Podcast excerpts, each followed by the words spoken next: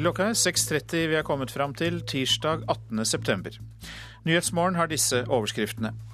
Arbeiderpartiet vil ha intervju med søkere før opptak til lærerutdanningen. Det skal gi bedre lærere.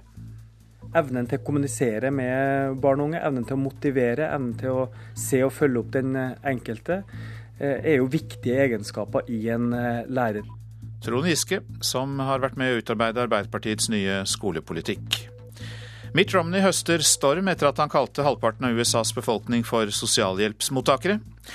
Dyrere ost, biff og lammekjøtt fra utlandet når tollsatsene øker fra nyttår. Og straks skal vi til Beijing, der det pågår anti-japanske demonstrasjoner. Her i studio i dag, Øystein Heggen. Det er årsdagen for Japans invasjon av den kinesiske regionen Manchuria i 1931. Samtidig fortsetter krangelen mellom de to landene om en ubebodd øygruppe i Øst-Kina-havet. Det har ført til anti-japanske demonstrasjoner i Kina. Asia-korrespondent Anders Magnus, du følger en av protestene som pågår i Beijing nå. Hva skjer der du er? Ja, her jeg står nå utenfor den uh, japanske ambassaden i Beijing, så er det en uh, lang rekke med demonstranter som uh, kommer og kaster vannflasker og frukt og tomater inn mot den japanske ambassaden. Samtidig som de roper krig mot Japan og drep japanere. Så det er en veldig aggressiv stemning blant demonstrantene. For å hindre at det blir ødeleggelser eh, på ambassaden, så har politiet satt opp to rekker med stengsler, pluss at det er fire rekker med væpnet politi med køller, eh, sånn og, og eh, hjelmer. Og så er det sivilt politi utenfor der. Nå er det masse flasker som blir kastet innover ambassaden her fra demonstrantene. Det er en, det er en demonstrasjon som kinesiske myndigheter håper de kan kontrollere med det store oppbudet av politi som er her. Fortell oss om eh, konflikten om øygruppen som har fått følelsene sånn i sving. Det er eh, en uh, liten uh, gruppe øyer langt ute i havet hvor ingen kan bo, og ingen heller bor, som er stridens kjerne. men det er store fiskeressurser i havet omkring. Og det er også antatt å være store mengder olje og gass i havbunnen utenfor. Derfor så er det blitt eh, så viktig for Kina å hevde suverenitet over dette. Men det er jo faktisk Japan som kontrollerer det. Og japansk Japans kystvakt skal nå patruljere øyene. Det er eh, meldt om at 1000 kinesiske fiskebåter er på vei dit. Og da kan det lett komme til konfrontasjoner. Hvilke andre virkninger har protestene mot Japan hatt i Kina de siste dagene? Det har vært voldsomme angrep på en del japanske butikker. Og også på eh, restauranter som selger japansk mat, selv om de er eid av kinesere. Mange japanere tør ikke gå ut lenger. Eh, fabrikkene til Panasonic, til eh, Honda, Mazda, Nissan er stengt disse dagene. Og det er mange kinesere som nå truer med handelsboikott mot Japan. Eh, og ønsker at man skal eh, knuse sin eh, erkefiende på den måten. Men det er klart at skjer det, så vil det i stor grad også gå ut over kineserne selv. Hvordan virker Japans invasjon av Kina i 1931 inn på dagens konflikt?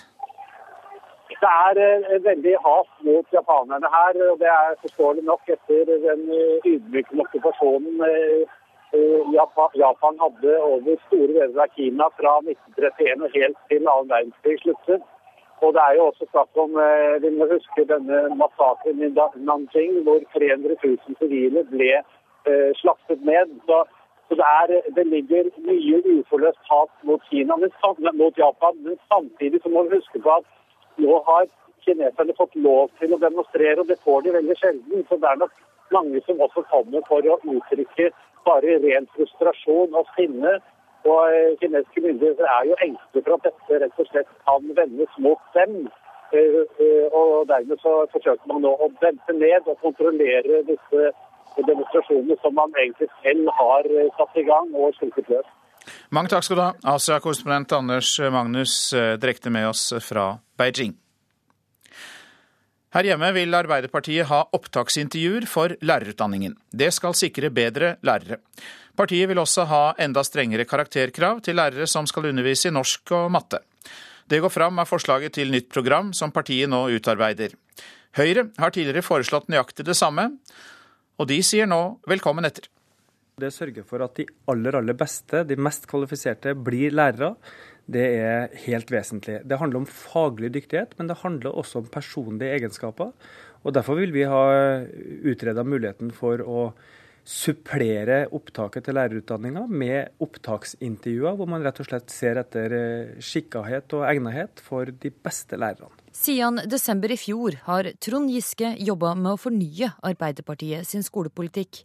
I morgen legger han fram resultatet, men allerede i dag kan han fortelle at ett av grepa er å sile ut hvem som skal få bli lærer. I tillegg til det faglige kompetansenivået, så er jo evnen til å kommunisere med barn og unge, evnen til å motivere, evnen til å se og følge opp den enkelte, eh, er jo viktige egenskaper i en eh, lærer. I tillegg vil partiet stille strengere karakterkrav til de som skal inn på lærerutdanninga. Det skal ikke lenger være nok med en treer i basisfaga norsk og matte. De som har eh, de svakeste karakterene som skal til for å komme inn, bør gå forkurs i norsk og matematikk, sånn at vi heve dem til det nivået som kanskje tilsvarer en firer fra videregående skole. Vi må være trygge på at eh, de menneskene som skal inn i en lærerutdanning og så formidle helt grunnleggende ferdigheter videre til en ny generasjon, sjøl er innehaver av de faglige kunnskapene som må til. Det kan virke som at man har eh, brukt, eh, si, blå, brukt en blåkopi av Høyres program. Sier skolepolitisk talsperson i Høyre Elisabeth Aspaker, som er strålende fornøyd med at Arbeiderpartiet nå går inn for forslag de har tatt til orde for i flere år. Dette er som musikk i høyreøra, for dette har vi eh, foreslått for lenge siden. Eh, og det er veldig bra at Arbeiderpartiet nå skjønner at eh, vi må heve kvaliteten på lærerne hvis vi skal få til en bedre skole. Høyre sier velkommen etter. Hva svarer du? Ja, jeg tror det er noen av disse tingene det er bred enighet om i norsk eh, skolepolitikk. Men hvorfor har de ikke gjort dette for noen år siden, når de ikke så at dette begynte å bli et problem? Det er vel kanskje eh, først nå vi begynner å få en så kraftig økning til lærerutdanninga at vi kan være tøffere også med kravene, uten å risikere en lærermangel. Trond Giske i Arbeiderpartiets programkomité, til reporter Astrid Randen. Mimmi Bjerkestrand, leder i Utdanningsforbundet, du er med oss fra Ålesund. Hva syns du om forslaget fra Arbeiderpartiet?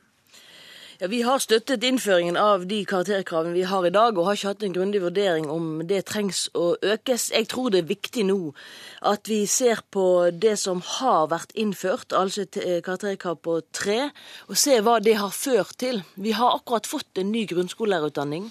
Vi må høste erfaringer med å se har vi fått til en bedre gjennomstrømning. Har vi fått til en bedre lærerutdanning? For det er jo tross alt det de skal lære i lærerutdanningen, som gjør de godt kvalifisert til å være gode lærere. Lærerne skal motivere, de skal se og de skal følge opp elevene, sier Giske, og det vil han få til ved å snakke med dem, de som er søkere til lærerutdanning. Hva tror du om intervjuer? Jeg tror det kan være et uh, interessant forslag. Vi har ikke gått grundig inn i dette. Jeg tror at alt som kan bedre kvaliteten på våre lærerstudenter når de nå skal ut i skolen, uh, vil være bra. Men jeg har lyst til å si at jeg mener at Arbeiderpartiet, som nå sitter i regjering, sitter med flertallsmakta i Norge, burde konsentrere seg mye mer om å gjennomføre de løftene som allerede er gitt i dagens Soria Moria-erklæring. Eh, de har veldig klare og gode lærerløfter der, som hele Skole-Norge venter på at regjeringen skal innfri. Ja, Hvilke løfter er det? Er det løfter som koster penger, og er det årsaken til at det ikke blir gjennomført? Er det det du mistenker dem for? Nei, Nå kommer jo Arbeiderpartiet her med mange eh, løfter eller mål som koster mye penger. Eh, både mattetimer og andre ting. Det lærerløftet som ligger i Soria Moria, som er det viktigste for Skole-Norge, det er nettopp lærerløftet om en økt lærertetthet. En norm for flere lærere på hver skole. Dette koster penger. Det vet Arbeiderpartiet, det vet regjeringen. Og Skole-Norge venter på at de skal innfri dette. Hvilket inntrykk har du av kvaliteten på lærerstudentene i dag? Vi har hatt en stor reform på lærerutdanningen, en ny grunnskolelærerutdanning. Det er for tidlig å høste erfaringene fordi de ennå ikke er uteksaminert. Men det har vært i denne perioden en villet politikk med å øke kravene til å komme inn, men også øke eh, kvaliteten på den utdanningen de skal ha. Det kan alltids gjøre bedre, og vi har mange veier inn i læreryrket. Vi har grunnskolelærerutdanningen, vi har en femårig masterlærerutdanning. Og hvis Arbeiderpartiet virkelig var ambisiøs på vei vegne av lærerutdanningen, så burde de her ha slått til med at vi ville ha en lærerutdanning på masternivå. Det er det som er fremtiden. Og Hva legger du i det, altså at den eh, konsekvent ligger på et høyere nivå enn i dag? Ja, det er riktig. Det var det som var uh, Utdanningsforbundet sin uh, politikk og ønske når vi gikk inn og uh, skulle lage en ny grunnskolelærerutdanning og få den opp på masternivå, altså en femårig masterutdanning for lærere. Det vil, det, det vil øke kvaliteten på utdanningen, og òg kvaliteten på lærerne som da kommer ut. Takk skal du ha, Mimi Bjerkestrand, du er leder i Utdanningsforbundet. Republikanernes presidentkandidat i USA, Mitch Romney, har viklet seg inn i en ny mediestorm etter at han på en video kalte halvparten av amerikanerne sosialhjelpsmottakere som ikke betaler skatt. På videoen sier Romney at 47% av amerikanerne stemmer på president Barack Obama uansett. Det er de som eh, ser seg selv som ofre, som tror det er statens oppgave å ta vare på dem, som mener de har rett på helsetjenester, mat, bolig og alt mulig, sier Romney. Dette var da opptak fra en intern republikansk samling. Ost, biff og lammekjøtt fra utlandet kan bli dyrere når tollsatsene på disse varene skal økes fra neste år. I statsbudsjettet som legges fram om tre uker, vil regjeringen på initiativ fra Senterpartiet gå inn for å øke tollsatsene for å beskytte norsk matproduksjon. Landbruks- og matminister Trygve Slagsvold Vedum tror ikke økte tollsatser vil føre til dårligere utvalg i norske butikker. Snarere tvert imot innfører noe som heter prosenttoll. Vil si at man kan beskytte noen produkter enda mer. Og det som vi beskytter mer nå, det er da storfekjøttproduksjon. Eh, det er i forhold til lam, og det er i forhold til eh, såkalte faste oster. Og det er for at vi skal klare å sikre at vi skal ha et landbruk i, levende landbruk i Norge, og en levende norsk uh, matindustri. Mer mat. Årets fårikål og pinnekjøtt produseres på løpende bånd i disse dager. Perioden fra august til november er høysesong for slakting av sau. Men mangelen på norsk arbeidskraft gjør slakteriene avhengig av innleid arbeidskraft fra utlandet. Det er veldig bra å jobbe i Norge, jeg liker her det. Josef Petras fra Slovakia er en av over 70 innleide sesongarbeidere ved Norturas slakteri i Malvik i Sør-Trøndelag.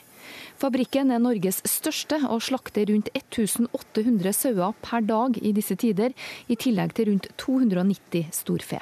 Jeg er glad at jeg er nyttig her, kan hjelpe, også jeg kan tjene penger her. Øyvind Hjelme er avdelingsleder for Kjøttskjærerne og leder 100 personer fra 13 land. Et fåtall nordmenn ville fått fårikålkjøtt og pinnekjøtt i år uten den innleide arbeidskrafta, sier Hjelme. Det er vi helt avhengig av, for ellers hadde ikke hjula gått rundt på fabrikken. Vi mangler arbeidskraft, og vi mangler spesielt faglært arbeidskraft i Norge til å kunne produsere så store volum. Bemanningsbyrået Manpower og Nortura jobber tett for å sørge for å få tak i arbeidskraft. Josef Petras er her på femte året, og avdelingsleder Hjelme er opptatt av ryddighet for å oppnå nettopp det. Vi sparer mye på å unngå opplæring, ehm, og spesielt småforskjæringer. Så har vi fått igjen samme operatørene flere år på rad. Ehm, vi har fått til et eh, bra samarbeid mellom de norske og utenlandske. Og vi kan begynne med å jobbe med å forbedre oss fra år til år, i og med at vi starta ikke på null hvert år. Øyvind Hjelme sa det, avdelingsleder for kjøttskjærerne ved Nortura i Malvik. Reporter Elisabeth Skarru. Høyre vil etablere egne fengsler for utlendinger uten særlige fasiliteter for de innsatte. Partiet mener samfunnet ikke trenger å bruke ressurser på å rehabilitere domfelte som ikke skal ut i det norske samfunnet igjen, skriver Aftenposten. Høyre mener etablering av egne fengsler for utlendinger gjør at kriminalomsorgen kan skille norske innsatte fra utenlandske kriminelle og deres internasjonale nettverk. Så til dagens aviser. Jeg beklager, det var en dårlig spøk. Mitt livs tabbe. Ja, det sier Miljøpartiets politiker Øystein Bønes. I Bergens Tidende er han avbildet flat på magen med politiets våpen mot seg. Bystyret i Bergen ble evakuert da Bønes spøkte med at han hadde sprengstoff i ryggsekken. Vil ha roboter inn for arbeidere, skriver Dagens Næringsliv om Statoil.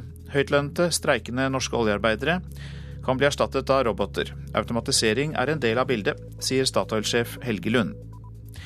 Rivalene slår ring om AUF-leder Eskil Pedersen, kan vi lese i Dagsavisen. Lederen i de andre ungdomspartiene støtter Pedersen mot kritikken etter 22.07. Han leder et ungdomsparti, ikke en hær, sier Unge Høyres leder Paul Joakim Sandøy.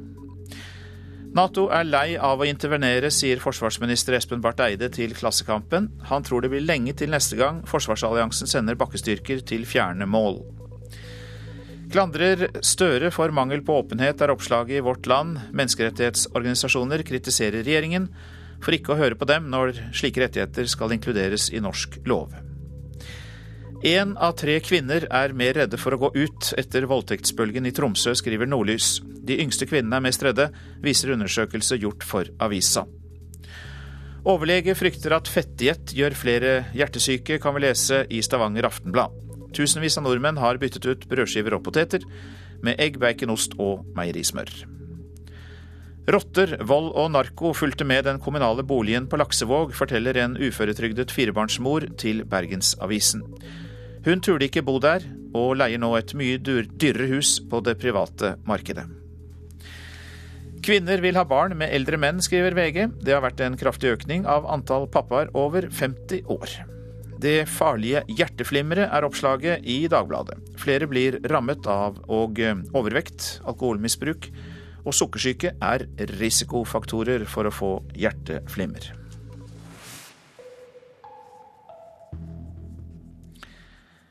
Kvinnenes fotballandslag må slå Island i morgen for å være sikret plass i EM-sluttspillet. Landslagstrener Eli Landsem vet at Island er vanskelig å slå. Det er aggressivitet og punch, punche over hele fjøla, og har en del gode fotballspillere som, som spiller i, i Sverige og Tyskland. Med spillere i de beste ligaene er Islands kvinnelag bedre enn noen gang. Og veteran Solveig Gulbrandsen vet hvor tøft det blir. Det er et bra lag. Eh, og de er vel litt sånn som vi kjenner dem fra herresida. At det er fullt trøkk og de står på veldig innsats. Så det blir en tøff kamp, en krig, tror jeg. Norge vant 3-2 over Belgia på Ullevål lørdag, men seieren var ikke overbevisende.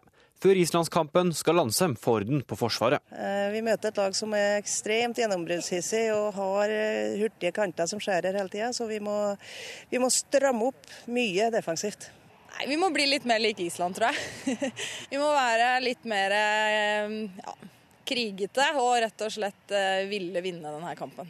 Solveig Gulbrandsen har troa, og Isabel Herlovsen, som skåret ett mål mot Belgia, har respekt for Island, men mener at de norske jentene er klare for deres siste hinder før EM. Det blir en veldig tøff motstander. Eh, nå har vi jo gått gjennom og sett litt video sånt av de, og klarer vi å utnytte svakhetene dem, så er det et lag vi absolutt bør slå. Reporter Henrik Jonassen. Ja, Du lytter til Nyhetsmorgen, og klokka den er 8, nei, 6.48 der. Dette er hovedsaker. Mitt Romney høster storm etter at han kalte halvparten av USAs befolkning for sosialhjelpsmottakere. Arbeiderpartiutvalg vil ha intervju med søkere før opptak til lærerutdanningen. Det skal gi bedre lærere. Dyrere ost, biff og lammekjøtt fra utlandet når tollsatser øker fra nyttår. De som laget den omstridte Mohammed-filmen, trues med døden. En fundamentalistisk predikant i Egypt har utstedt en fatwa der han truer alle medvirkende i filmen 'Innocence of Muslims'. Salafisten Ahmad Fouad Ashu ber muslimsk ungdom i USA og Europa om å drepe regissøren, produsenten, skuespillerne og alle andre som medvirket og promoterte filmen. Innocence of Muslims har utløst protester og demonstrasjoner mot amerikanske ambassader og annen virksomhet i hele verden de, eh, den siste uken. Så til Salman Rushdie, som angrer på at han beklaget sataniske vers. Forfatteren ble dødsdømt av Iran i 1989 for boken, og eh, i ni år har han måttet leve med politivakt døgnet rundt. Han håper å få fred og bli kvitt dødsdommen da han eh, beklaget boken. I shouldn't have done it, you know. I mean, I shouldn't. Salman Rushdie angrer på at han beklager det han skrev i boka 'Sataniske vers'. Da romanen kom ut i 1989, førte det til bokbål og drapsforsøk, og forfatteren måtte i flere år leve i skjul etter en dødsdom fra Iran. Også i Norge kom det protester.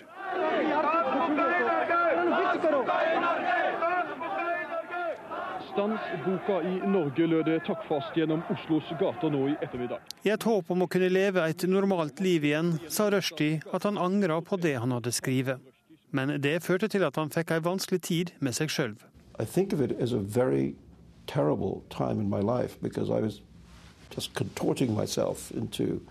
Rushdie sier han hadde ei tung tid etter at han sa han angra på sataniske vers. Han måtte på TV for å forsvare seg, og det var helt forferdelig. I mean, it was horrible. It was horrible because I felt sick with myself. De siste åra har det vært mange voldelige protester mot bøker, filmer og tegninger fordi noen mener religionen deres har blitt krenka. Etter sataniske vers har det blitt lettere for religiøse ledere å bruke denne formen for markering, mener Rushdie. That this kind of violent attack on creative work is quite effective. So, um, so we've seen in, in the years since the attack on the satanic verses Sjøl er Rushdie i dag stolt over å ha skrevet sataniske vers. Han mener det at boka fremdeles blir lest, viser hva kvaliteter boka har. The fact that people are still reading the book, still picking it up, buying it, you know, reading it, suggests that it has another quality. For itself. You know, um, the reason it stays in print is not because of scandal. It stays in print because people like it. Satanisk versk kommer i stadig nye opplag fordi er, ikke fordi den er skandaløs, men fordi folk ønsker å lese den, sa Salman Rushdie her. Mer om ham i Brennpunkt i kveld, reporter Espen Alnes. Nå om flate hustak, for de er langt mer utsatt for vannskader. Det mener både eksperter og forsikringsbransjen.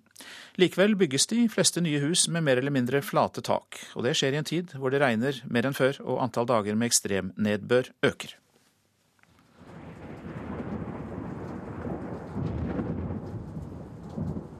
Flate tak er en potensiell eh, kilde til lekkasjer. Byggesjef Paul A. Paulsen i Stavanger kommune registrerer at de aller fleste entreprenører og husbyggere som setter opp ny bolig i dag, foretrekker flate tak. Det kan by på problemer. Det må passes på kanskje mye mer enn et skråtak. For et, et, har du fall på taket, så vil du jobbe litt med naturen, at vannet renner av. Med flatt tak så er det mye mer som skal passes på og være eh, på plass og være i orden hele tida for å unngå at du får skade. Ja, Det kan gjøre, utgjøre et stort problem. Hvis ikke man er veldig nøye med vedlikehold og inspeksjon av slike tak, så er det vel snakk om eh, når det blir en vannskade, og ikke hvis og om. Roald Stigum Olsen er pressekontakt i Trygg Forsikring. Også forsikringsselskapene registrerer at byggeskikken er i endring.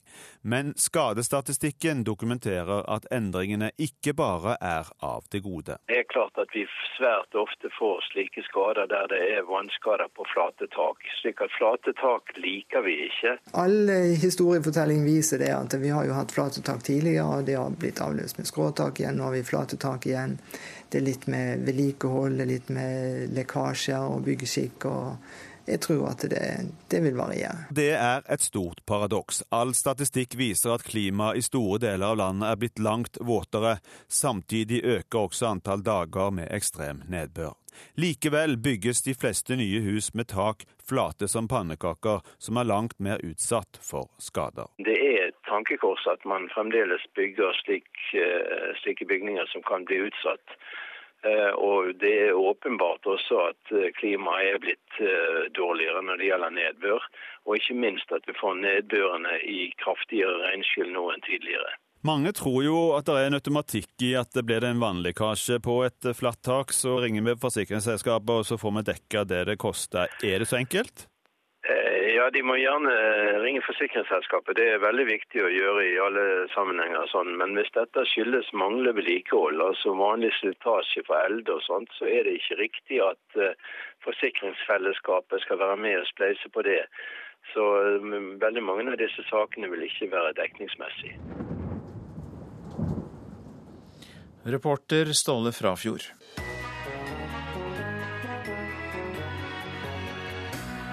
Det er lammekrise i kongeriket. Bøndene klarer ikke forsyne nordmenn med nok kjøtt i fårikålsesongen, og ikke nok kylling heller. Nå har journalistekteparet Yngve Ekern og Hege Ulstein skrevet boka 'Kjøttfrie dager' for å lære oss å unngå kjøtt på hverdagen. Er det snobbete å ta fredagstacoen fra folket, eller er det på tide å tenke miljø også på kjøkkenet? Få med deg Radioselskapet klokka 11. Og værvarselet kommer vi ikke utenom, heller ikke i dag. Fjell i Sør-Norge, enkelte byger snø over 1000 meter. Østlandet får perioder med liten kuling på kysten. Det blir regn på Østlandet og utrygt for torden. Telemark får liten kuling på kysten og regnbyger. Utrygt for torden blir det også der, etter hvert opphold. Agder får enkelte regnbyger, utrygt for torden. I kveld lettere vær i Agder. Rogaland regnbyger, snø i høyden, utrygt for torden. Seint i kveld nordvest stiv kuling på kysten av Rogaland. Hordaland får regnbyger i dag, snø i høyden. Utrygt for torden. I kveld nordvest liten kuling på kysten. Sogn og Fjordane. Regnbyger, snø i høyden, utrygt for eh, torden. Så tar vi for oss Møre og Romsdal og Trøndelag samlet. Enkelte regnbyger og snø i høyden. Nordland enkelte regnbyger, seinere stort sett pent vær. Troms, der blir det vestlig liten kuling utsatte steder og regn i dag. I kveld sørvest liten kuling på kysten og etter hvert oppholdsvær i Troms. Vest-Finnmark med vidda. I ettermiddag vestlig liten kuling utsatte steder. I kveld stiv kuling i fjellet og regn. Så Øst-Finnmark sørøst liten kuling. I kveld sørvestlig. I fjellet stiv kuling. Og det blir regn i Øst-Finnmark i dag. Nordensjøland på Spitsbergen østlig stiv kuling utsatte steder og oppholdsvær. Temperaturer målt klokka fem. Svalbard lufthavn sju grader. Kirkenes og Vardø ti. Alta og Tromsø ni. Bodø åtte. Brønnøysund ni. Trondheim-Værnes fem. Molde sju. Bergen-Flesland åtte grader. I Stavanger var det ni grader. Kristiansand også ni. Gardermoen ni. Lillehammer åtte. Røros seks. Og Oslo-Blindern hadde ti grader da klokka var fem. Du lytter altså til Nyhetsmorgen, og etter sju så skal vi bl.a. høre om økte tollsatser på importerte matvarer.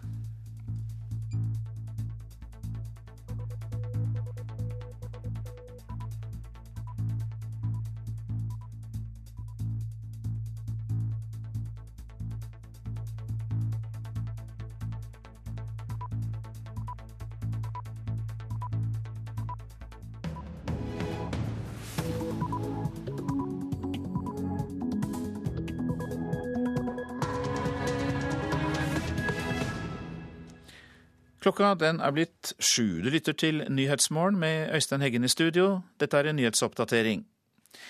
Med Senterpartiet som drivkraft har regjeringen bestemt å øke tollsatsene på importert ost, biff og lammekjøtt. Ikke alle forbrukere er like fornøyde. Veldig bakstreversk, unødvendig, eh, forbrukerfiendtlig og håper på en ny regjering. Republikanernes kandidat Mitt Romney skaper problemer for seg selv. I en video fra et internt møte påstår den republikanske presidentkandidaten at halve USA er trygdemottakere. Gårdeiere i Oslo sier at sykkelstier er døden for butikkene. Kundene rømmer, og mange forretninger selger mindre enn før, sier direktør Glenn Eikbråten i Gårdeiernes forening Byfolk. Vi risikerer konkurser og tomme lokaler for de syklistene som da skal sykle forbi her.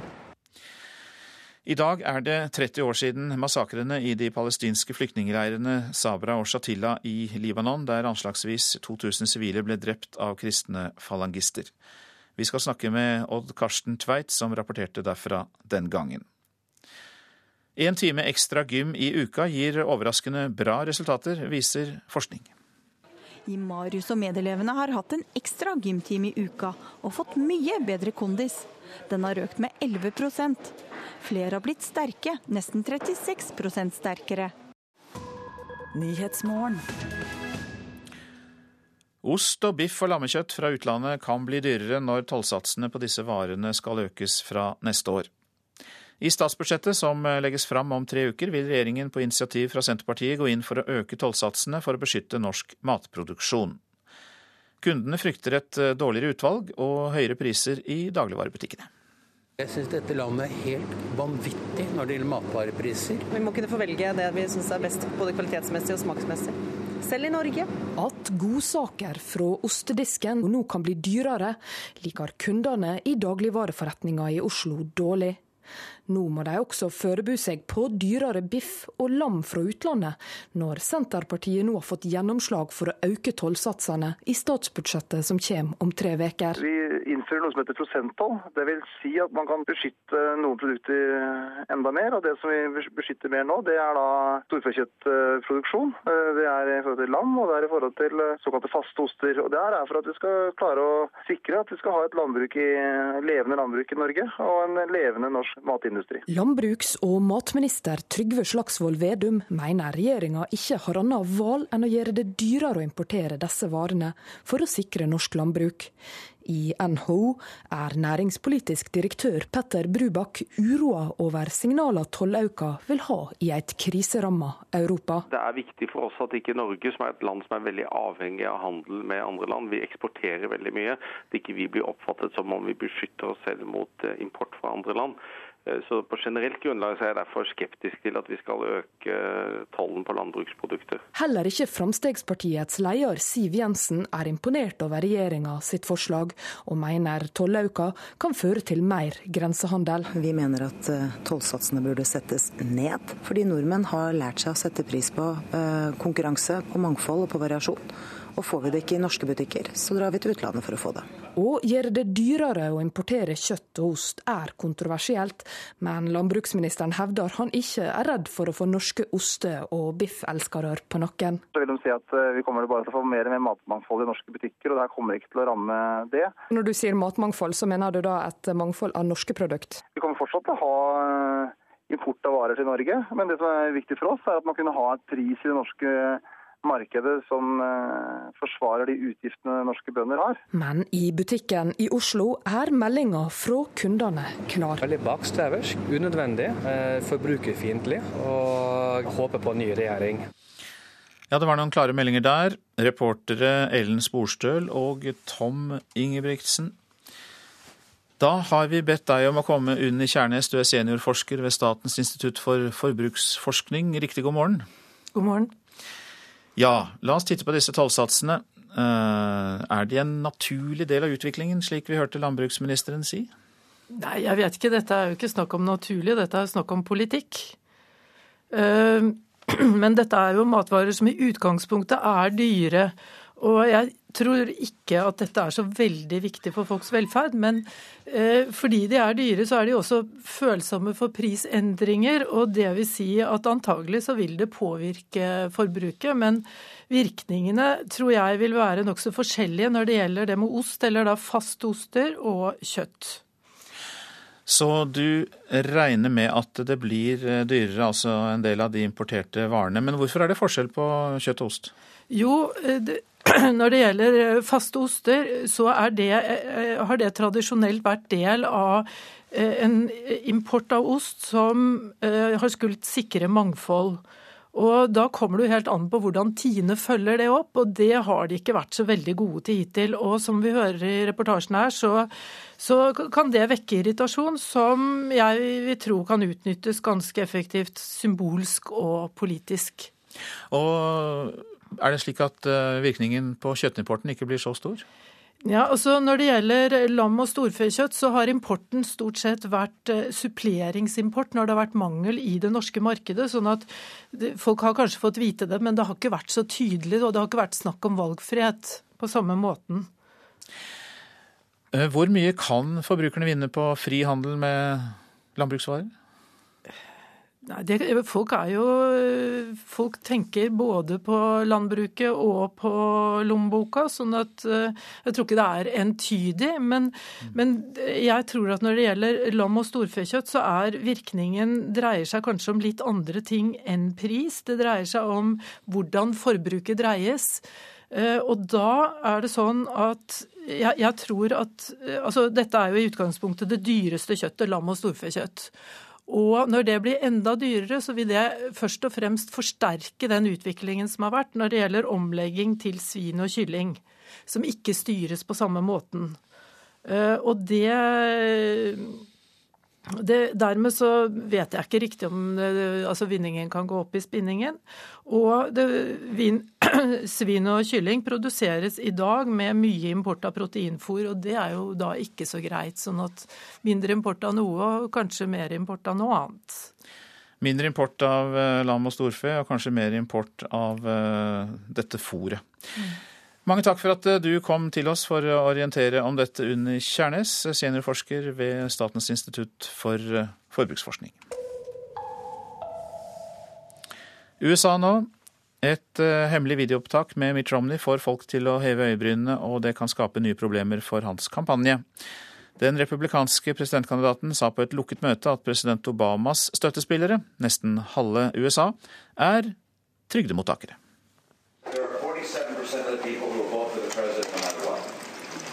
There are 47% who are with him, who are dependent upon government, who believe that, that they are victims, who believe that government... 47% kommer til å stemme på Obama uansett. Denne velgergruppa betaler ikke inntektsskatt, de er avhengige av staten, og de tror de har krav på helsetjenester, mat, bolig, alt mulig, sier Mitt Romney. Han legger til at hans jobb ikke er å bry seg om dem. Uh, Kommentarene falt under en privat pengeinnsamling i Florida 17. mai, og meningen var at det som ble sagt, skulle forbli i møtesalen. Men noen gjorde et videoopptak av spørsmål-svar-runden de republikanske giverne hadde med Mitt Romney, og ga opptaket til det venstreorienterte tidsskriftet Mother Jones. Tonight, a surreptitious recording of Mitt Romney at a private fundraiser has gone public. Det ses på som nok et tilbakeslag og en distraksjon for republikanerne. Rådgivere, pengegivere og andre nære støttespillere beskriver Romney-kampanjen som et kaos. Ifølge Washington Post mener de at en rekke strategiske feil de siste ukene har satt kampanjen tilbake. Romneys utenlandstur ble preget av knoting og negative oppslag. Han har ikke klart å gi en tydelig visjon om hvor han vil ta USA, og klarer heller ikke å dra nytte av den økonomiske tilstanden landet er i, mener støttespillerne. Nå forsøker hovedkvarteret i Boston å starte på nytt med mer skjerpet beskjed og en ny serie reklamekampanjer. Romney selv prøver å slukke brannen. På en pressekonferanse i California i natt sa Romney at han kunne ha formulert seg annerledes. You know, it's not elegantly stated, let me put it that way. I'm speaking off the cuff in response to a, a question, and I'm sure I could state it more clearly and in a more effective way uh, than, I, than I did in a setting like that. Um, and so I'll, I'm sure I'll, I'll point that out as time goes on. But Romney sier samtidig at han håper hele videoen blir gjort kjent, slik at sammenhengen kommer fram. Han mener han svarte på et spørsmål om den politiske prosessen, hvilke velgergrupper han skulle konsentrere seg om, og statens rolle i framtida. The president's approach is attractive to people who are not paying taxes because, frankly, my discussion about lowering taxes isn't as attractive to them, and therefore I'm likely to draw them into my campaign as effectively as those who are in the middle. Om dette er valgkampens oktoberoverraskelse, Hendelsen, som får stor innflytelse over valget, er for tidlig å si. Også Barack Obama huskes fortsatt for et uheldig øyeblikk han hadde i 2008. Under et valgmøte beskrev han hvite velgere i landlige strøk som en gruppe som klamrer seg fast til våpen eller religion. Med valget sju uker unna har Romney sett meningsmålingene gå feil vei. Romney, som av motstanderne blir framstilt som en elitist som ikke skjønner seg på vanlige mennesker, ligger nå fem prosentpoeng bak Barack Obama på Reuters siste måling. Det neste viktige øyeblikket i valgkampen, der et nasjonalt publikum kan nås, er den første presidentdebatten 3.10. Anders Tvegård, Washington. Hjem igjen. Vi sykler oftere i byene når forholdene legges til rette for det. Flere norske byer har tillatt sykling mot enveiskjøring i noen gater. Men det skjer ikke uten konflikter. I Oslo sentrum hevder gårdeiere at nye sykkelfelt og dårligere muligheter for å parkere biler bidrar til at butikker står i fare for å gå konkurs. Men syklistene er fornøyd. Det var veldig bra etter det kom sånne eh, sykkelstier her. For det var det jo ikke før. Hans Christian Felde sykler Skippergata i Oslo sentrum. Den er ei av to enveiskjørte gater i byen der du lovlig kan sykle mot enveiskjøringa det er godt tilrettelagt, og det har vært få ulykker her. Lettere slipper å følge enveiskjørte gater og sånn. Ikke alle bilister vet at hun har lov til det. Nei, De blir sinte. Det er noen som har stoppa meg faktisk med bil. Men Brita Fykse liker å sykle i sykkelfeltet som går mot kjøreretninga. Hell? Ja, ja. Fint å sykle her. Også Trondheim, Molde, Lillestrøm og Drammen tillater det her i noen gater. Syklistene er veldig fornøyde. og Ifølge Transportøkonomisk institutt er det langt flere syklister i Kirkegata og Skippergata nå etter at den røde løperen ble rulla ut, sier forskningsleder Torkel Bjørnskau. Det tror jeg er først og fremst det at man har merket tydelig opp, at det er lov å kjøre. Da. Det er eh, egne, man har en egen legitim plass i trafikken som man ikke alltid har som syklist. Men i Kirkegata kommer en sjåfør fra Tine trillende langs fortauet med to tunge vogner med melk og han. De fleste parkeringsplassene er fjerna, og for å unngå bot har Selvalagan Murugia parkert varebilen sin 500 meter unna lunsjkafeen som skal ha varene. De sier dem at de skal eh, få ned sykefraværet, men hvis det fortsetter den måten, så blir det mer slitasje skader. Kundene rømmer, og mange forretninger selger mindre enn før, hevder direktør Glenn Eikbråten i gårdeierforeninga Byfolk. Vi risikerer konkurser og tomme lokaler for de syklistene som da skal sykle forbi her. Og reporter her, det var Kjartan Røslett. Ola Elvestuen, du er byråd fra Venstre for miljø og samferdsel i Oslo. Dette må være vrient for deg, du er glad i både levende småbutikker og syklister? Ja, og det må vi jo klare å få til begge deler. Det er ingen tvil om at vi kommer til å legge til rette mer for eh, både gående og syklende i Oslo sentrum i åra framover, og det kommer til å bli mindre eh, gateparkering. Men samtidig med det så må vi klare også å få opp og satse på handelen. Særlig er det viktig å sette av plasser for, eh, for, varelevering. Og vi har jo også et eget prosjekt på det som heter Grønn varetransport. Hvor vi har et samarbeid mellom kommunen og ulike gårdeiere, og også ulike aktører i forhold til varelevering. Hvordan skal det skje? Skal de sykle rundt med varene? Nei, det vi ser på her er jo at du må komme tidlig inn i, inn i eh, planleggingen. Vi ønsker både at du skal ha en mer miljøvennlig varetransport, med renere varebiler, men du trenger også en bedre koordinert og effektiv varetransport. Og vi har jo også i Kirkegata, når vi fikk beskjed om de problemene som var der, så har vi også satt av egen, et egen parkeringsplass for varelevering der for å imøtekomme de, de, problemene som enkelte aktører der har hatt. Men frykter du ikke at dette kan utvikle seg til at eh, byene blir eh, kulisser, eh, og at man ikke bruker byene aktivt som handelssted? Nei, tvert imot. Dette handler om å få flere folk inn i sentrum og få mer liv i bygatene. nå er det liten plass, og da må man prioritere. Og det vi prioriterer er helt klart det er gående, det er syklende, så er det kollektivtrafikk, og så må bilen finne sin plass i forhold til det. Og det er mange eksempler også internasjonalt for at å tilrettelegge for syklende og gående er også med på å øke handelen i sentrum. København er kanskje det mest eh, nærliggende som har klart dette på en god måte, og det må vi også gjøre i, i Oslo. Og det kommer jo fortsatt til å være betydelig med parkeringsplasser. Det er, det er mange eh, parkeringshus i Oslo sentrum, og vi har også satt i gang arbeid med et eget det vi kaller fra bystyret et parkeringorgan, for å se på også om vi må bruke da å putte parkering under bakken som et redskap for å frigjøre plasser på gateplan over bakken. Dere skal jo doble sykkelandelen i hovedstaden. Det er målet fra 5% av daglig reisende til 12% Gi meg noen konkrete sykkeltiltak på tampen, Elvestuen. Nå har vi jo flere forsøk. Du viser nettopp til de forsøkene som er i Skippergata og Kirkegata. De er vellykka.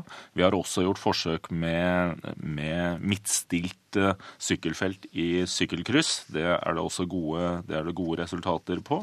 Og så lager vi jo landets første sykkelgate i Torgata, som begynner å bygges nå i vinter. Ellers så er det jo å få på plass det hovedsykkelveinettet, men vi trenger nok og se også på de løsningene vi bruker. For vi må treffe flere syklister enn de som sykler til og fra jobb. Her sånn skal vi ha en breiere brukergruppe, sånn at vi kan få alle til å kjenne at det er både trygt og enkelt å sykle i Oslo. Det er en eh, betydelig jobb. Eh, det kommer til å ta noe tid, men det er den jobben vi nå skal sette i gang med. Og dette er noe som byen definitivt vil satse på gjennom mange år over lang tid.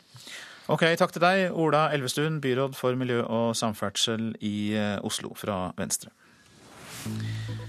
Klokka den er 7.17. Her er hovedsaken i Nyhetsmorgen. Regjeringen har bestemt å øke tollsatsene på import ost, importert ost, biff og lammekjøtt fra neste år. Mitt Romney høster storm etter at han kalte halvparten av USAs befolkning for sosialhjelpsmottakere. Og det er blitt bedre forhold for syklistene i Oslo, som vi hørte, men gårdeierne mener eh, sykkelstiene er døden for butikkene.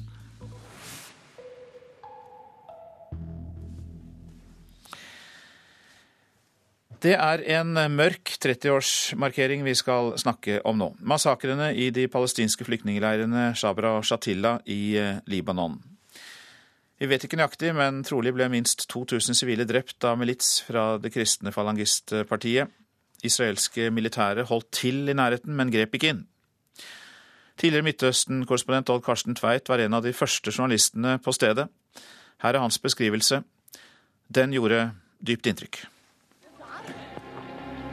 De har åpenbart blitt mishandlet. Et tjuetalls menn fra 14 opp til ja, 30-40. Regelrett meiet ned. Det ligger strødd på gatene. Gamle menn på 90 år. Stokken ligger fortsatt ved siden av. Han har blitt hakket inn med bajonett. Og så deretter skutt. Hus etter hus er ødelagt. De er rett og slett sprengt i luften. Alt er flatt. Odd Karsten Tveit, nå er du med oss eh, fra Jerusalem direkte, og vi hørte deg her eh, skildre det som skjedde i flyktningleirene Sabra og Shatila. Hvilke inntrykk eh, får du når du hører det igjen? Ja, nå nesten på timen nøyaktig 30 år etter at jeg sammen med noen kolleger vandret gjennom likhaugene den 18. september i 82, så sitter fortsatt bildet på netthinnen som om dette skjedde i går. Jeg kan fortsatt se døde småkloder stikke opp fra ruinhauger. En liten jente i rød kjole som lå på magen, skutt i ryggen. Gravide kvinner drept med bajonetter. Ja, gamle unge menn malparert. Og så husker jeg sjokket over at massakrene var utført av de kristne militsene, som kulturelt og religiøst sto så mye nærmere vår vestlige kultur enn muslimene de hadde drept. Først ble det jo antydet at angrepene skjedde etter tilfeldigheter, etter en spontan vold, men andre detaljer kom jo fram etter hvert? Ja, dette var en planlagt massakre satt i scene av Israels allierte falangistpartiet i Libanon og Israels daværende forsvarsminister Ariel Sharon. Og Påskuddet Eh, var at det fantes det Israel kalte 2000 PLO-terrorister i leirene.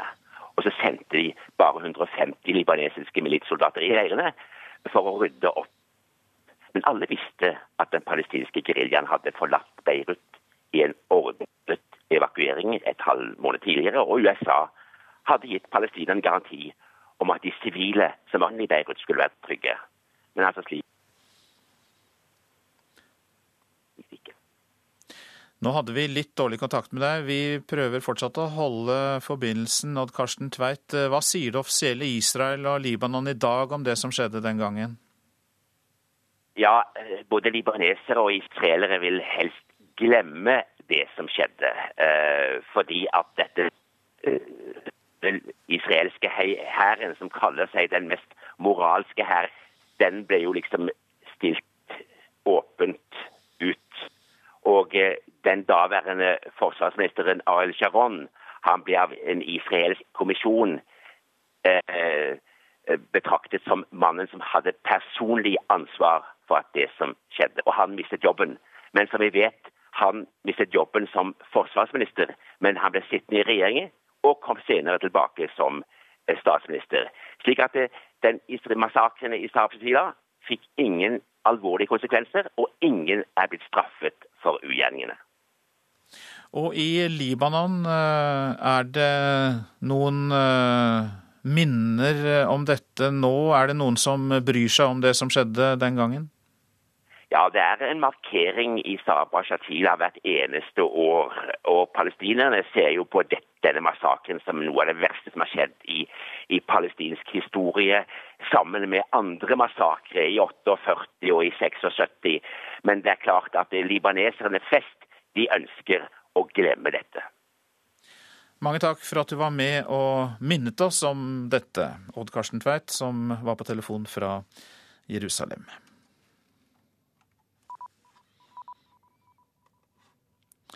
I Afghanistan ble minst tolv mennesker drept da en selvmordsbomber slo til mot en minibuss utenfor Kabul i dag. Ni av de drepte var utlendinger.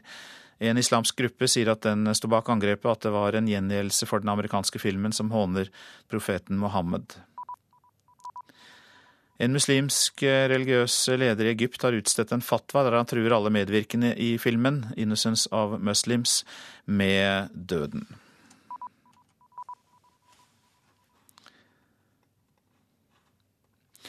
Roboter vil fremdeles overta jobben til mange av dagens oljearbeidere i framtiden. Det sier Statoil-sjef Helge Lund til Dagens Næringsliv.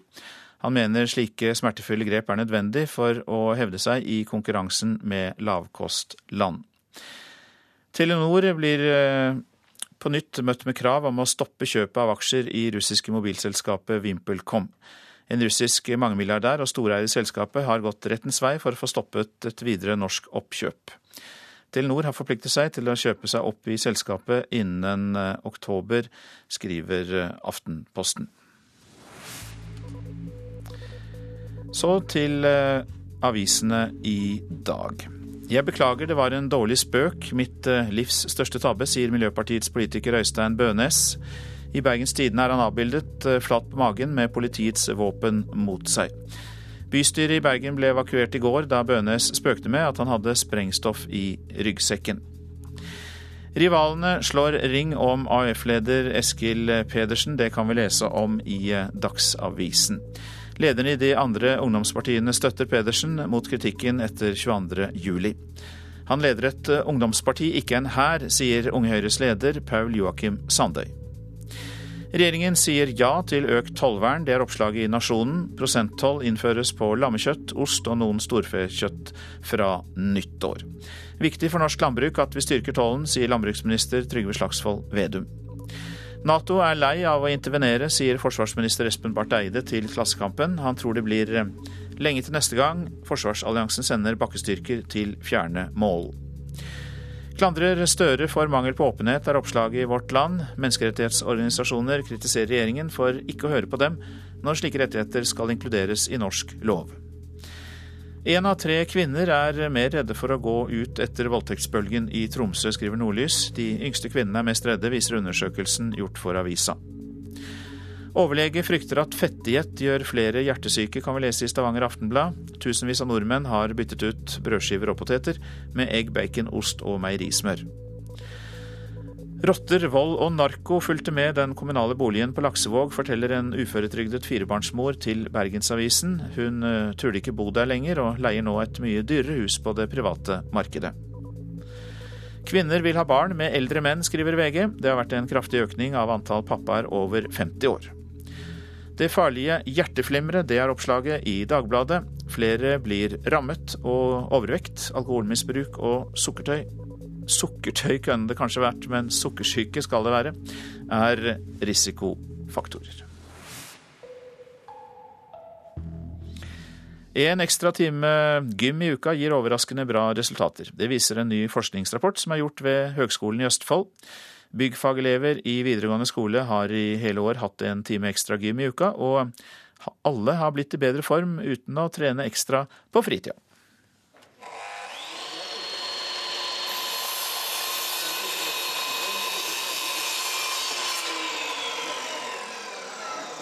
Man må ha sterke armer for å legge materialene på sagen, men det skremmer ikke byggfagelever Mysen videregående skole, Jim Marius Jensen.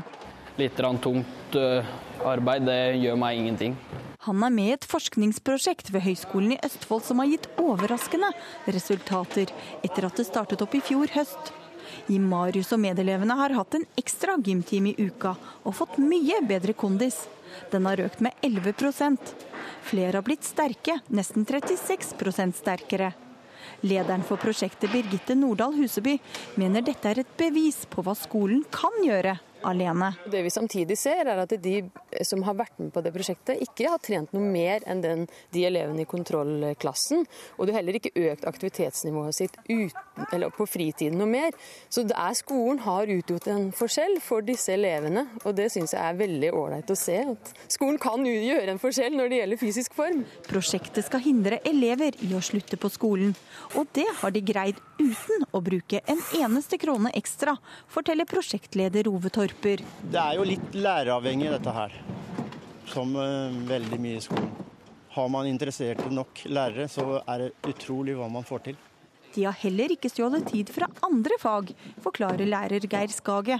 Vi kan eh, bruke læreplanen vår i eh, bransjelære, som går på ergonomi, så at de får trena på det. For det er veldig viktig å ta vare på kroppen sin hvis du skal stå et arbeidsliv ut. Så de er festa i det. Akkurat som drillen trenger Jim Marius ekstra lading for å holde ut skoledagen. Jeg syns det har vært veldig fint med ekstra gym. Det har gjort meg til å bli litt mer til å gidde i timene og orke å jobbe. Liksom til å hjelpe til, byte liksom i timene. Så liksom følge med litt ekstra. Neste år skal politikerne se på de endelige resultatene av innsatsen til Marius og de andre elevene på byggfag. Og lederen for helse- og opplæringskomiteen i Østfold, Inger Kristin Torp fra Arbeiderpartiet, håper på ekstra oppmuntring fra regjeringen til å videreføre prosjektet. Det vi gjør er helt innafor de fagplanene som er. Eh, så jeg håper jo at det blir oppmuntra til den type tiltak også framover. For å motivere så er det egentlig veldig bra. For at uh, hvis vi ikke har gym, så kan det hende at vi blir bare sånn til å sitte foran dataen og TV-en hver dag. Da blir ikke noen ting av oss. Og det var Anette Torjussen som hadde laget den reportasjen.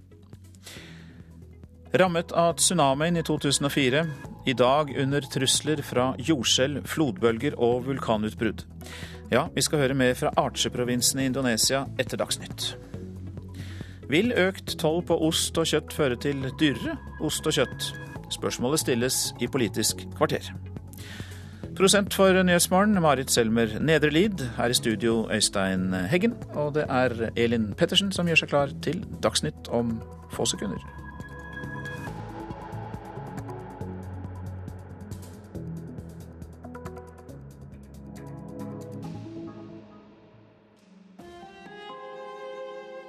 Ekko. Det er i år 50 år siden verden ble gjort klar over at det vidunderlige nye plantevernmiddelet DDT var i ferd med å drepe naturen. For mange var dette starten på miljøbevegelsen. En bevegelse som vil dø ut sjøl hvis den ikke snart slutter å spå dommedag hver bidige dag, sier vår gjest. Ekko 9 11 i NRK P2.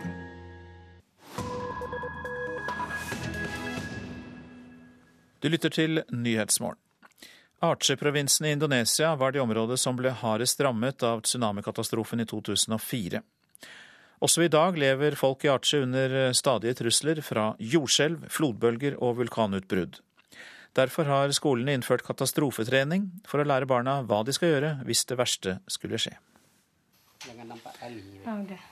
14 år gamle Delisa Fitri Ramadani gjør seg klar til å gå på skolen. Antrekket er gjennomført, en sort hijab, en hvit langermet T-skjorte med sort påskrift og et langt sort og hvitmønstret skjørt som matcher. Bare én ting gjenstår. Det får hun hjelp av faren til å få på. Protesen som erstatter beinet Delisa måtte amputere etter tsunamien.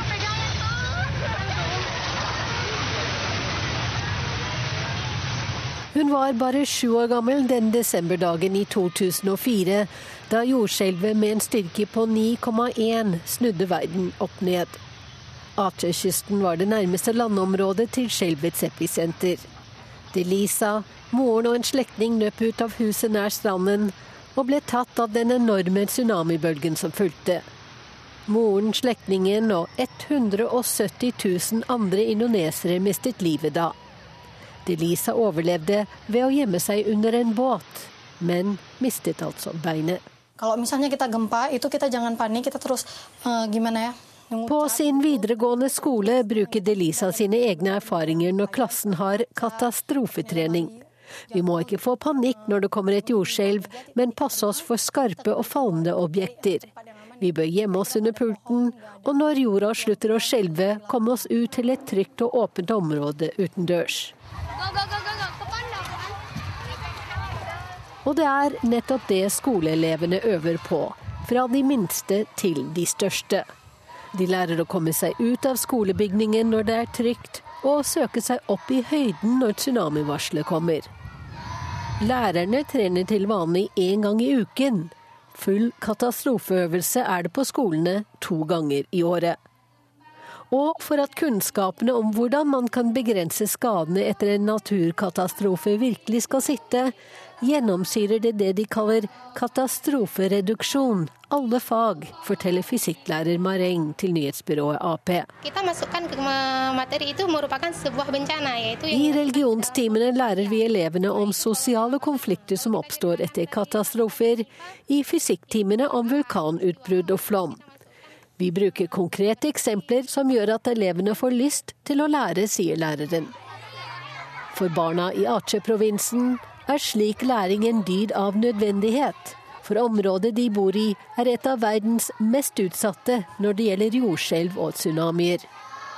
Tusenvis av liv kunne ha vært spart hvis folk hadde hatt kunnskapene som skolebarna får gjennom katastrofetreningen.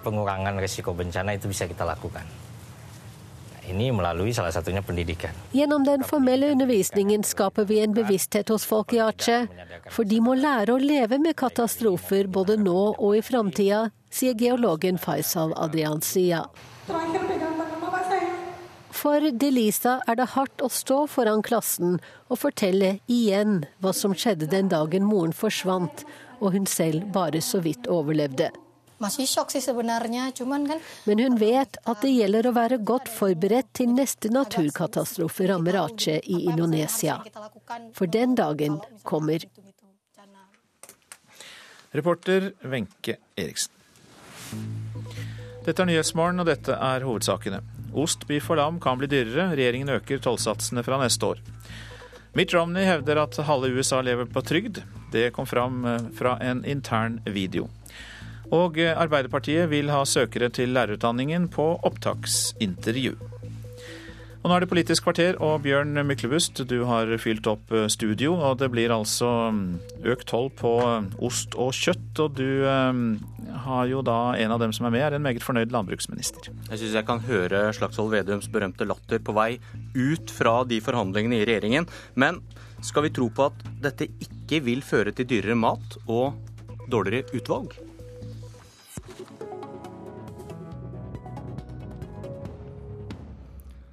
Velkommen, landbruksminister Trygve Slagsvold Vedum. Takk for det. Vil økt toll på ost og kjøtt føre til dyrere ost og kjøtt for Ola og Kari? Norske forbrukere vil ikke merke det fra 1.1 i det hele tatt. Utvalget vil bli like bra, og prisene vil ikke merkes av det. Men er du for norsk landbruk, så må du være for et sterkt tollvern. For vi har et veldig kaldt land, vi har et bratt land, vi har et vått land. Og hvis vi ønsker å produsere god norsk mat i hele landet vårt, så er vi helt avhengig av et godt tollvern. Og så er det det som jeg syns veldig mange glemmer, er at det landbruket er også en forutsetning for at vi har over 40 000, at vi har ca. 40 000 industriarbeidsplasser i næringsmiddelindustrien spredt rundt i hele Norge. Så er du for et eh, levende norsk landbruk, levende norske bygder eh, og en god norsk næringsmiddelindustri med trygge varer, så er vi helt avhengig av å ha et godt tollvern. Og nå var tollvernet under press, og da stiller selvfølgelig den rød-grønne regjeringa opp og gjør bedringer. Men hva er logikken her? At dere hever tollvernet, men da ingenting å si for eh, pris og utvalg? Det er en framtidig forsikring eh, for norsk landbruk. For vi ser nå at eh, tollvernet har gradvis blitt litt svakere pga. økt eh, kronekurs, pga. økt kostnadsutvikling. Så Men det skal, du sier er at prisene, prisene vil kunne bli høyere enn det ellers ville vært? Ja, det ville det kunne blitt. Altså, ja. kunne ta, men, men, men, det vil ikke bli noe høyere enn annen kostnadsutvikling i, i, samfunnet. Det er jo politiske valg i hvert enkelt jordbruksoppgjør som avgjør det. Men nå gir vi en mulighet, og vi sikrer da at vi skal ha et norsk marked for norsk mat. At vi skal ha god produksjon rundt i hele landet. Og så ser vi at matmangfoldet i norske butikker har økt veldig i de siste senere åra. Ikke minst med veldig mange nye norske produkter, og det kommer til å øke også framover. Og det er da annet eh, tollfrie kvoter når det gjelder da en del av de her eh, ostene fra EU. Og vi har da heller ikke innført ny, ny tollsats på, på de dessertostene. Så, så, folk vil ikke merke forskjell i vareutvalget i hele tatt, men det er en framtidig forsikring som gir at vi har mulighet til å ha et levende norsk landbruk i hele Norge. Jeg hører du snakker ned konsekvensene for forbrukerne her. Hvorfor kjempet Arbeiderpartiet så hardt imot dette? Arbeiderpartiet, Senterpartiet, SV vi har en felles interesse av å ha, av å ha et sterkt norsk landbruk og ha en sterk norsk næringsmiddelindustri. Så her ble vi enige. Men i alle sånne diskusjoner så må man veie fram og tilbake hvilke løsninger er de beste. Og her har vi kommet fram til en veldig god felles løsning som både styrker norsk landbruk, styrker norsk næringsmiddelindustri, men som forbrukerne ikke vil merke når de går i butikken 1.1. Parlamentarisk nestleder i Fremskrittspartiet, Ketil Solvik-Olsen. Tror du på han? Nei, jeg gjør ikke det. Det er jo en grunn til at de ønsker den omleggingen. Det er jo fordi at eh, produktet utenfra skal bli dyrere. Det er jo nettopp fordi at folk skal tvinges til å kjøpe norske produkt. Så det å si at hvis du endrer tollsatsene og, og endrer måten du beregner de på, at det skal beskytte norsk, eh, norsk, landbruk, men det skal ikke bidra til økte priser. På hvilken annen måte er det da det beskytter? Dette blir jo bare tull. Dette handler om at eh, enkelte konkurrentvarer skal bli så dyre at norske forbrukere ikke tar seg råd til å kjøpe de. Det er ikke måten du får et sterkt norsk landbruk på. Et norsk landbruk bør vokse fordi at de dyrker jorda på en mer effektiv måte, at de driver mer effektivt, at du ikke har fullt så mange deltidsbønder, at du får flere proffe bønder som satser på volum, og at du har andre bønder igjen som satser på kvalitet og nisjeprodukter. Det er rom for begge deler, men det er ikke proteksjonisme som bringer norsk landbruk videre. Jeg ser Jonas Gahr Støre i Dagens Næringsliv i dag også snakker om dette, at dette ikke får så store konsekvenser. Men hvis du har rett, hvorfor, hvorfor skal Slagsvold Vedum og Støre si at dette får ikke noe å si for Ola og Kari? Fordi at den store delen av den norske befolkningen er ikke bønder, men det er de som må betale for dette. Det er der det store velgergrunnlaget til Arbeiderpartiet ligger. og Derfor vil de selvsagt nedspille konsekvensene av dette. Men, norsk, men eh, regjeringa er opptatt av at vi skal ta, ha en eh, sterk norsk eh, matproduksjon rundt omkring i hele Norge. og Derfor så må vi, så må vi ha et sterkt tollvern. Frp ønsker en drastisk reduksjon både i tollvernet og en halvering i, i budsjettmidlene til landbruket. og Det ville vært en rasering av norsk landbruk, en rasering av norsk næringsmiddelindustri. Vi ville fått et helt annet land. Og så må Ketil Solvik-Olsen forholde seg til fakta. For vi har inngått en avtale med EU som gjør at vi har tollfrie kvoter. Og det gjør at det, de volumene som vi har i butikk i dag, vil, vil ikke bli berørt. Og vi innfører da ikke prosenttoll på en del av de her såkalte dessertostene. Så der vil det fortsatt være kronetoll. Så den norske forbruker vil ikke merke noen forskjell i januar. Det vil være i så fall veldig små forskjeller. Og, og Derfor er det her en veldig forsiktig og fornuftig omlegging på et rett tidspunkt for å sikre et levende norsk landbruk, for å sikre norsk næringsmiddelindustri og for å sikre at norske forbrukere skal ha god, trygg og et mangfold av mat i norske butikker. Jo, men da, Det er ingen logikk i å hevde at innføringen av denne satsen her da vil styrke norsk landbruk hvis det ikke har noen konsekvenser for hvilket produkt som kan konkurrere mot norsk landbruk. Det er, altså, det er en logisk brist i resonnementet deres som gjør at dette er viktig for dere å selge ut, men det er altså ingen realitet i det. Det er masse, real, det er masse realitet i det. Men så er det her er en framtidig forsikring som gjør at vi får en framtidig mulighet til å kunne ta ut pris og ha et mangfold av norske varer i norsk butikker. Ta ut pris. Der viser det jo at dette handler om pris. Det handler om å kunne skattlegge importvarene høyere for å beskytte norsk landbruk på den måten. Og der er Fremskrittspartiet uenig i at det er måten en skal gjøre det på. Tiden vil eh, vise. Når du blir finansminister, eh, Solvik-Olsen, hva kommer du til å gjøre med tollen på ost og kjøtt? Vi mener at vi må harmonisere det med det som skjer i resten av, av EU eh, e og, og, egentlig resten av verden. Norsk landbruk må stå på egne bein fordi at de er effektive og produserer godt, ikke fordi at de lever i en struktur som ble oppretta for mange mange tiår siden, og som de har vokst ifra. Dagrun Eriksen, velkommen, nestleder i Kristelig Folkeparti. Dere vil ha et regjeringsskifte, akkurat som Solvik-Olsen. Hva vil en borgerlig regjering gjøre med tollsatsene? Hvis vi deltar i den, så ville jo ikke jeg kalt den borgerlig, men det lar det ligge i denne debatten. Ikke-sosialistisk? En ikke-sosialistisk regjering. Nei, altså, jeg, jeg, har lyst til å gi honnør til Senterpartiet for at de gjør dette. Nå er nok dette et plaster på såret fordi at jordbruksoppgjøret ikke ble så godt. og Nei, heller ikke landbruks... Slagsvold Vedum på hodet her. Ja, han får god hjelp av programlederen til å Riste på hodet på det. Men det er, det er, et plaster på såret, men det er et viktig plaster på såret. Men det som er den logiske bristen til Ketil Solvik-Olsen, er jo at uh, maten vil bli dyrere med det opplegget som han skisserer her. Fordi fordi at norsk mat vil bli dyrere. Eh, hvis man både reduserer landbruksstøtte gjennom jordbruksoppgjøret og de andre ordningene man har rundt det, og samtidig senker tollvernet, så har man eh, en stor utfordring i forhold til å få norsk mat til en pris som er eh, god for forbrukerne. Så det er en logisk brist. Hvis det skulle øke noe priser i dette, så er det et politisk valgt, en, politisk valgt ordning som man ønsker å gjøre. Vi må huske at kjøpekraften til nordmenn er blitt vesentlig større de neste årene, og vi bruker mindre på mat enn vi har gjort noen gang. Og så er det jo ikke sånn, det høres av og til ut når vi hører Fremskrittspartiet snakke, at, eh, at vi har nesten ingen matvarer å velge med. Over 50% av den maten vi spiser, den er importert fra utlandet. Eh, og det å da ha noe vern som gjør at vi får et landbruk som faktisk kan bidra til å også bidra med norsk mat til en levelig pris i norske butikker, det er viktig for KrF. Og det kommer til å være viktig hvis vi skulle få et regjeringsskifte.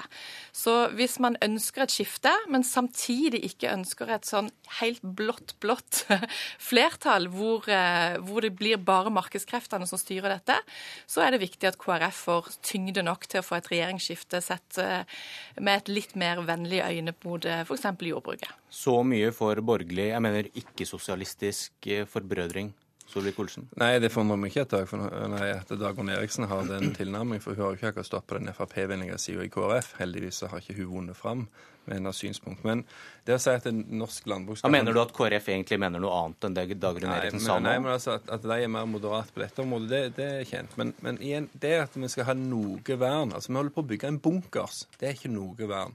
Og dette vil ha konsekvenser Hvorfor skal man ha noe vern, da? Hvorfor tar ikke dere skruttet helt ut og Nei, bygger ned alt? Det, det er viktig at norsk landbruk har konkurransedyktige rammebetingelser. Fremskrittspartiet sier jo òg at norsk industri skal ha konkurransedyktige rammebetingelser, fordi at vi ser at andre land subsidierer sin produksjon, og da må vi ta hensyn til det i den norske landbrukspolitikken. Men det som vi ser at sentrumspartiene holder på med her, det er jo å lage en beskyttelse på norsk landbruk der du skal prøve å endre minst mulig. Vi mener at du må ta i bruk mer, eh, mer moderne hjelpemidler for å sørge for at landbruket blir mer effektivt. Og dette vil ha konsekvenser konsekvenser for norsk evne til å eksportere fisk. Og Det er en veldig lønnsom næring for Norge. og Her ber vi nærmest våre konkurrenter om å bygge opp tilsvarende tollmurer mot, mot norsk mateksport. Nå kommer jeg fra Sørlandet, og den store effektiviseringen og større bruken er jo faktisk fysisk umulig, f.eks. i mitt distrikt. Eh, vi trenger, eh, For at vi skal ha levende bygder og levende eh, samfunn, så trenger vi at det er faktisk noen som kan drive jordbruk også andre steder enn der hvor du har de store maskinistbrukene. Og det jeg tenker at Når Ketil Solvik-Olsen slenger litt med leppa og sier at eh, Dagrun Eriksen er ikke så Frp-vennlig som resten, så må jeg bare si én ting. Vi har hatt en svær strategikonferanse nå. En av de tingene som var med og eh, ga den justeringen på at ikke vi løp sånn helt rett inn i armene på Fremskrittspartiet, var bl.a. landbrukspolitikken til Fremskrittspartiet. Der er det ikke en, en Dagrun-versjon som er mildere enn det resten av partiet er. Og jeg tror at gjennom denne våren så har folk sett et KrF som kommer til å kjempe for landbruket. Det kommer vi til å gjøre. Vi ønsker et skifte, men ikke for enhver pris. Og det håper jeg at Fremskrittspartiet, hvis de ønsker et skifte, lytter til. Og landbruksminister Slagsvold Vedum, KrF kan vel vinne de samme seierne for norsk landbruk i en borgerlig regjering som du mener at dere gjør i en rød-grønn? Ja, Ordet borgerlig er jo helt meningsløst, men det kan vi diskutere en annen gang. Ikke sosialistisk. ikke sosialistisk regjering, men og jeg er også ikke sosialist.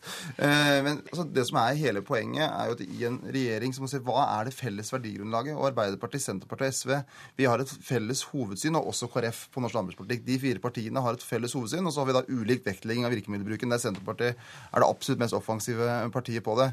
Mens da KrFs store problem er at de ønsker å gå inn i regjering med partier som har et helt annet syn på norsk landbruk. Altså Fremskrittspartiet, da, som da er jo helt tydelig på at de har en massiv nedbygging av tollvernet. De vil ha en halvering av budsjettstøtta. Eh, Høyre sier også at de er kritiske til det norske tollvernet, vil ha en reduksjon av tollvernet. De vil også ha en betydelig reduksjon av budsjettstøtta. Og da er det jo helt umulig å få til en satsing. Og det er bare å se på Bondevik II, eh, hva som skjedde da. Eh, og det vil bli enda verre nå når det skal basere seg på, på Frp. Men det som er hovedproblemet med Frp, de sier at, eh, at de skal satse på de store bruka, de som skal klare, å, klare seg bedre. Men for de store bruka så er tollvernet absolutt viktigst. For det for veldig mye av norsk volumproduksjon så er marginene så små.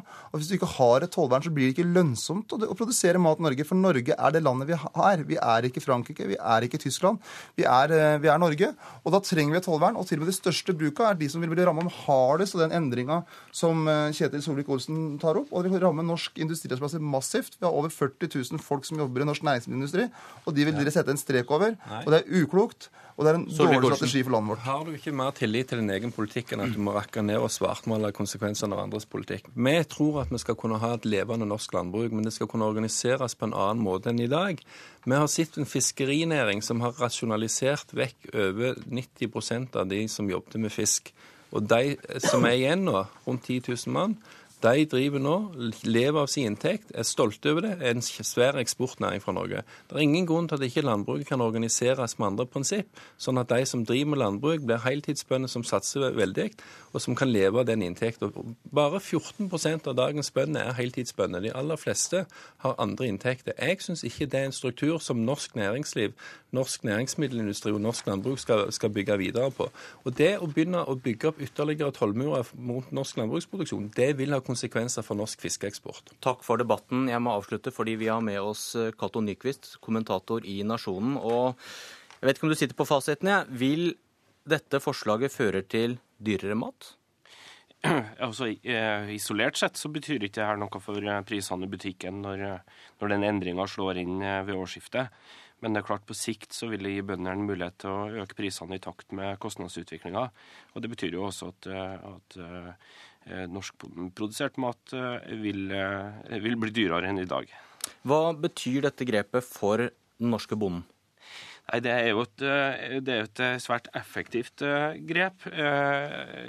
Senterpartiet har fått gjennomslag for å gå over til prosenttoll på, på de viktigste produksjonene.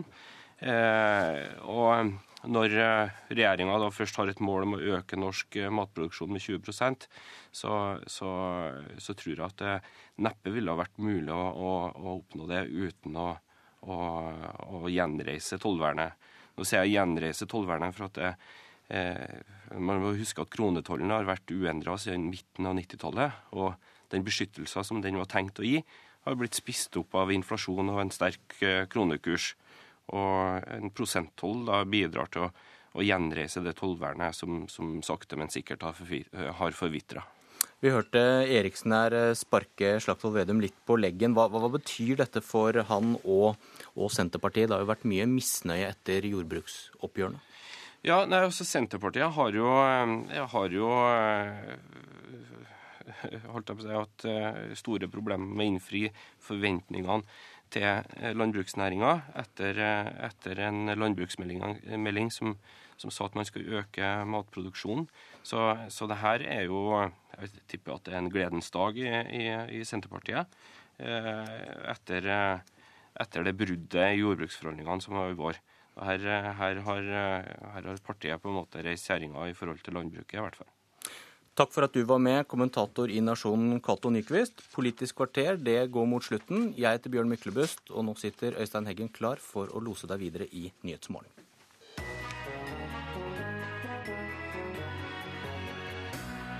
Det er lammekrise i kongeriket. Bøndene klarer ikke forsyne nordmenn med nok kjøtt i fårikålsesongen, og ikke nok kylling heller. Nå har journalistekteparet Yngve Ekern og Hege Ulstein skrevet boka 'Kjøttfrie dager' for å lære oss å unngå kjøtt på hverdagen. Er det snobbete å ta fredagstacoen fra folket, eller er det på tide å tenke miljø også på kjøkkenet? Få med deg Radioselskapet klokka 11.